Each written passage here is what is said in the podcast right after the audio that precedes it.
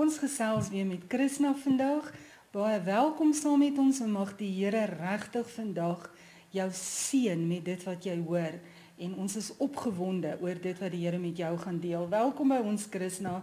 Sy gaan met ons deel oor haar seun Japie en ons bietjie meer van daai dag en daai ondervinding vertel. Ons is opgewonde. Mag die Here jou ook seën terwyl jy dit met ons deel. Dankie Krishna. Dankie Renel. Dit was 2017 en in daai Januarie is my man gediagnoseer met prostaatkanker. Dit was 'n geweldige slag vir ons. Hy en my pa's ek eintlik 'n week uitmekaar uitgediagnoseer albei met prostaatkanker en dit was so half 'n dubbele slag geweest. En so was ons nog in afwagting vir hom om vir die operasie te kon gaan. Toe ek hierdie getuienis luister van hierdie pappa en mamma wat regtig besluit het om in Abba se vrede te bly ongeag wat. En die man het baie sterk daaroor gevoel. So hy het na sy vrou toe gegaan en vir haar gesê ons moet regtig dit vir mekaar nou sê en beloof dat ons nie uit Abba se vrede sal beweeg nie, maak nie saak wat nie. Wel, min het hulle geweet wat nog op hulle wag in die toekoms. Haar swangerskap, sy was op daai stadium swanger en die swangerskap was heeltemal normaal. Sy het geboorte gegee, maar 30 minute nadat die kind gebore is, het alles begin skeefloop. Die baba het opgehou asemhaal en rukkie daarna die babatjie se hart ook ophou klop. Hulle het alkensmatig aan die lewe gehou en die dokters het dadelik vir hom gesê hierdie is baie ernstig. Julle baba is eintlik breindood. Die mamma was geweldig geskok en hierdie pappa het sy vrou gevat en haar eenkant te vat en gesê jy moet onthou wat het ons vir mekaar beloof. Ons gaan nie uit Abba se vrede beweeg nie. En dit was vir haar geweldig moeilik en mens kan self dink dat as jy nou net geboorte gegee het en daar is so vereiste aan jou om in Abba se vrede te bly, maar dit is soms 'n toets waarvoor ons te staan kom. So dit aangegaan en op dag 3 het hierdie dokters besluit dis asof hulle nie kan deurdring tot hierdie pappa en mamma dat hulle die erns besef van hulle kind nie. Maar wat hulle nie verstaan nie is mense in die wêreld verstaan nie hmm. die vrede waarin ons beweeg as kinders van Abba omdat ons kies om in sy vrede te bly nie. En so het hulle 'n neuroloog ingekry met hierdie pappa te praat en regtig vir hom die erns te, te verduidelik. Hy het na die badkamer gegaan daarna en hy het die volgende woorde gesê dat Abba selfs al neem u hierdie dogtertjie van ons nou, sal ek in u vrede bly. Nee. En hy verduidelik hierdie vrede as as as 'n bubbel waarin hy was wat ek baie goed verstaan want dit is iets wat ek eendag nog sal deel oor die getuienis toe my ander seentjie by die rooi kruis was. Maar hierdie hierdie vrede van Abba waar mens beweeg waar jy letterlik beskerm word van alle kante af. Dis letterlik dis oorkoepelend maar ek het dit beskryf ook as 'n bubbel en dit was vir my so kenmerklik as ek mense hoor praat van hierdie bubbel waarin hulle is want dit is presies hoe dit ervaar word. Dit is letterlik asof dit net jy en Abba is mm. en die wêreld is daar buite, buite. En jy's gepantser deur dit als. En dit gee jou sekerlik krag om deur te gaan. Absoluut. Ja. En dit is nie asof jy nie deel is van realiteit nie, ja. want ons is nog hier op hierdie aarde Natuurlijk. en ons is deel van die natuurlike riem, maar ons kies om in te druk by Abba Vader mm. wat in die geestelike riem is. En so het hierdie pappa toe nou die woorde gesê wat geweldig is en hy het teruggegaan. Dit was minute. Toe word hierdie dogtertjie wakker. Sy is nie suurstofafhanklik nie en haar hartjie klop op haar eie. En hierdie geweldige getuienis het so impak op my gemaak en my sware dae gekuier en ons is ek is besig om hierdie getuienis aan hom te vertel terwyl my man en die twee seentjies toe na buite in die veld ry want ons het 'n plaasie so hulle ry nou daar in die bosveld en kyk die bokkies en goed. En ek's besig om hierdie getuienis te deel van hierdie pappa en mamma. Met hierdie vrede. Met hierdie vrede. En hoe hulle moes kies om daarin te bly mm. in 'n in 'n in 'n tyd waar dit eintlik 'n storm rondom hulle was En op daai oomblik, terwyl ek nog die storie vertel, kom die burgerband radio aan en hulle sê my seentjie het weggeraak uit van die vierwiel motorfiets afgeklim en begin hardloop. Dit is toe nou Japie wat met Down syndroom gebore uh, was en hulle kry hom nie. Hulle het hom nou begin soek en hulle kry hom nie. Op daai stadium ek dink alles skop so gelyktydig in. Ek was vir 'n enkel operasie, 'n paar maande voor dit. So ek was nie veronderstel om eintlik al te hardloop nie. Ek het net soos in my hardlooptekkies aangetrek en ek het net dadelik begin in die veld help soek. En ek het op daai oomblik dadelik net in ek wil amper sê getap by Abba Vader en net gesê ek kies om in die vrede te bly. Mm. En ongeag wat, en ek het regtig gevra Abba asseblief stuur die engele. Hou wag oor my kind, beskerm hom, bewaar hom. Geen haar sal van sy kop afval nie want U is in beheer. Mm. En ek het al hierdie goed gespreek en ek het gekies om nie in vrees in te gaan nie. En dit is net Abba se genade. Dis nie uit onsself dat ons dit kan doen nie. Nee, ons kan nie. Ehm um, en my swaar het gery op die plaas en gekyk na my seentjie wat met Down syndroom gebore is, Japie. Ek gaan hom van nou af Japie noem. Is verskriklik lief vir water. So as hy net 'n poeltjie sien, dan moet jy weet, hy's nat, sy klere gaan jy moet vervang en hy gaan spring in. Op op ons plaas het ons een dam. Die bure langs aan het twee damme en hulle het twee swembaddens gehad wat nie met nette toe was nie. So die water was die goed waar wat wat vir my 'n gevaar was. Ek het gehardloop na die eerste dam toe en toe sien ek ons dam met min water in. Dit is dit gaan nie 'n probleem wees nie. En ek het oorgehardloop na die bure se dam toe. Daai twee damme het baie water ingehaat.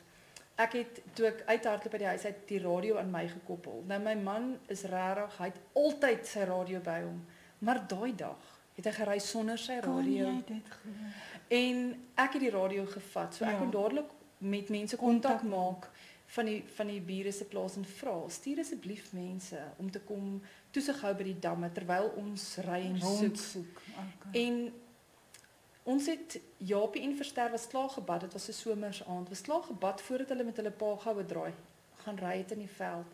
En ehm hy het toe sy gumboots aangetrek wat ons sedert daai aand nooit weer aantrek as hy gaan ry in die veld nie, want dit maak dat die dorings hom dan nou nie steek nie. Okay. Maar in die bosveld wat redelik dig daar nou bebos is, kon hulle hom nie kry nie.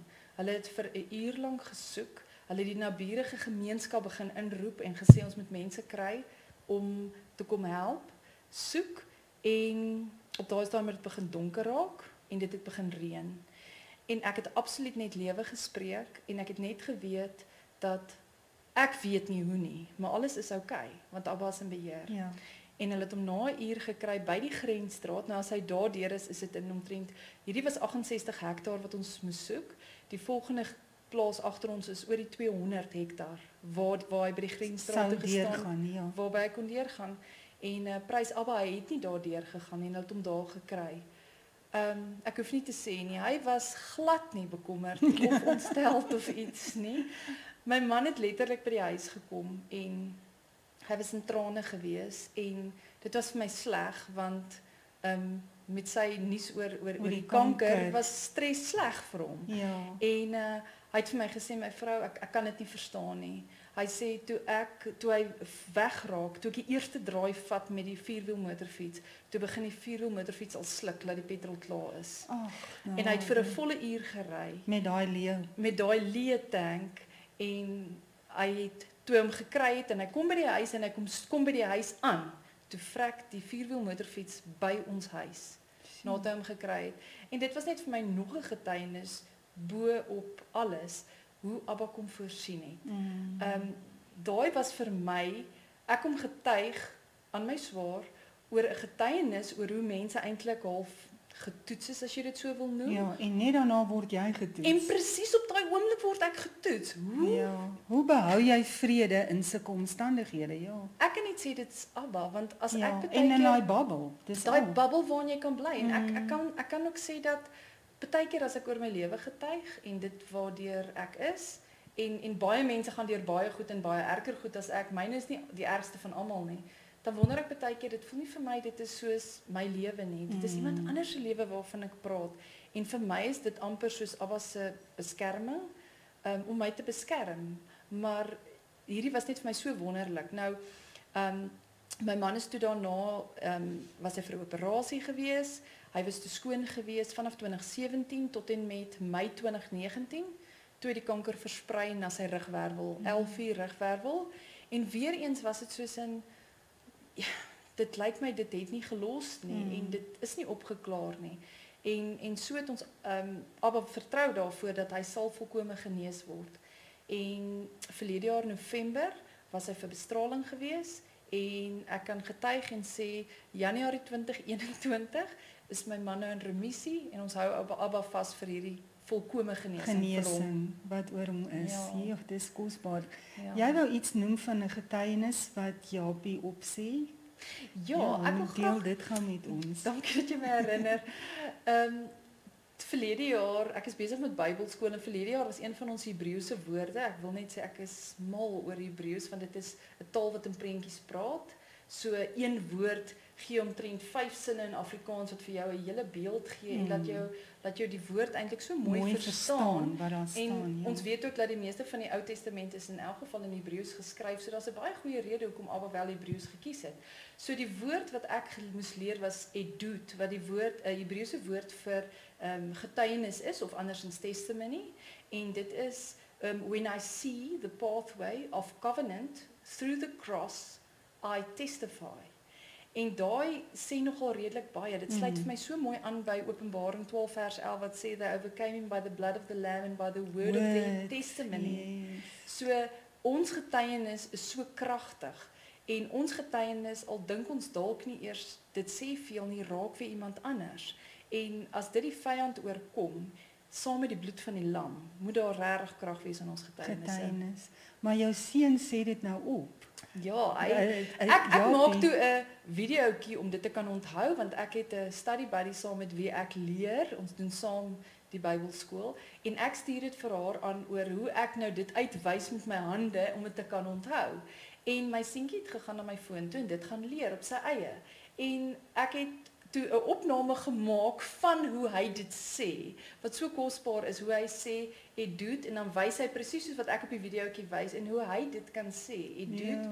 When I see the pathway of covenant through the cross, I testify. Want die testify deel bring ek altyd my vingers so na my mond toe. En, En- hy doen dit presies so. En dit het eintlik net vir my so kosbaar gewees want ek weet dat sy lewe is ook 'n getuienis wat Mm. mense moet raak en wat mense gaan raak en ja, dis net vir my baie kosbaar Dit gewees. is dis fantasties en ons kan saam met jou stem vandag dat as jy nou dink in daai situasie wat jy was wat jou seun weg is, jou man kanker het, maar as jy kan terugkyk, dan weet jy jy was in daai babbel van Absoluut. vrede en genade en alles het op die ou end uitgewerk ten Absoluut. goeie om die Here te vereer. Mag jy vandag in enige omstandighede wat jy mag wees, besef dat jy kan vrede in jou storm ervaar, maar net die Here kan daai vrede vir jou gee. Mag alles vir jou ten goeie meewerk. Amen. Amen.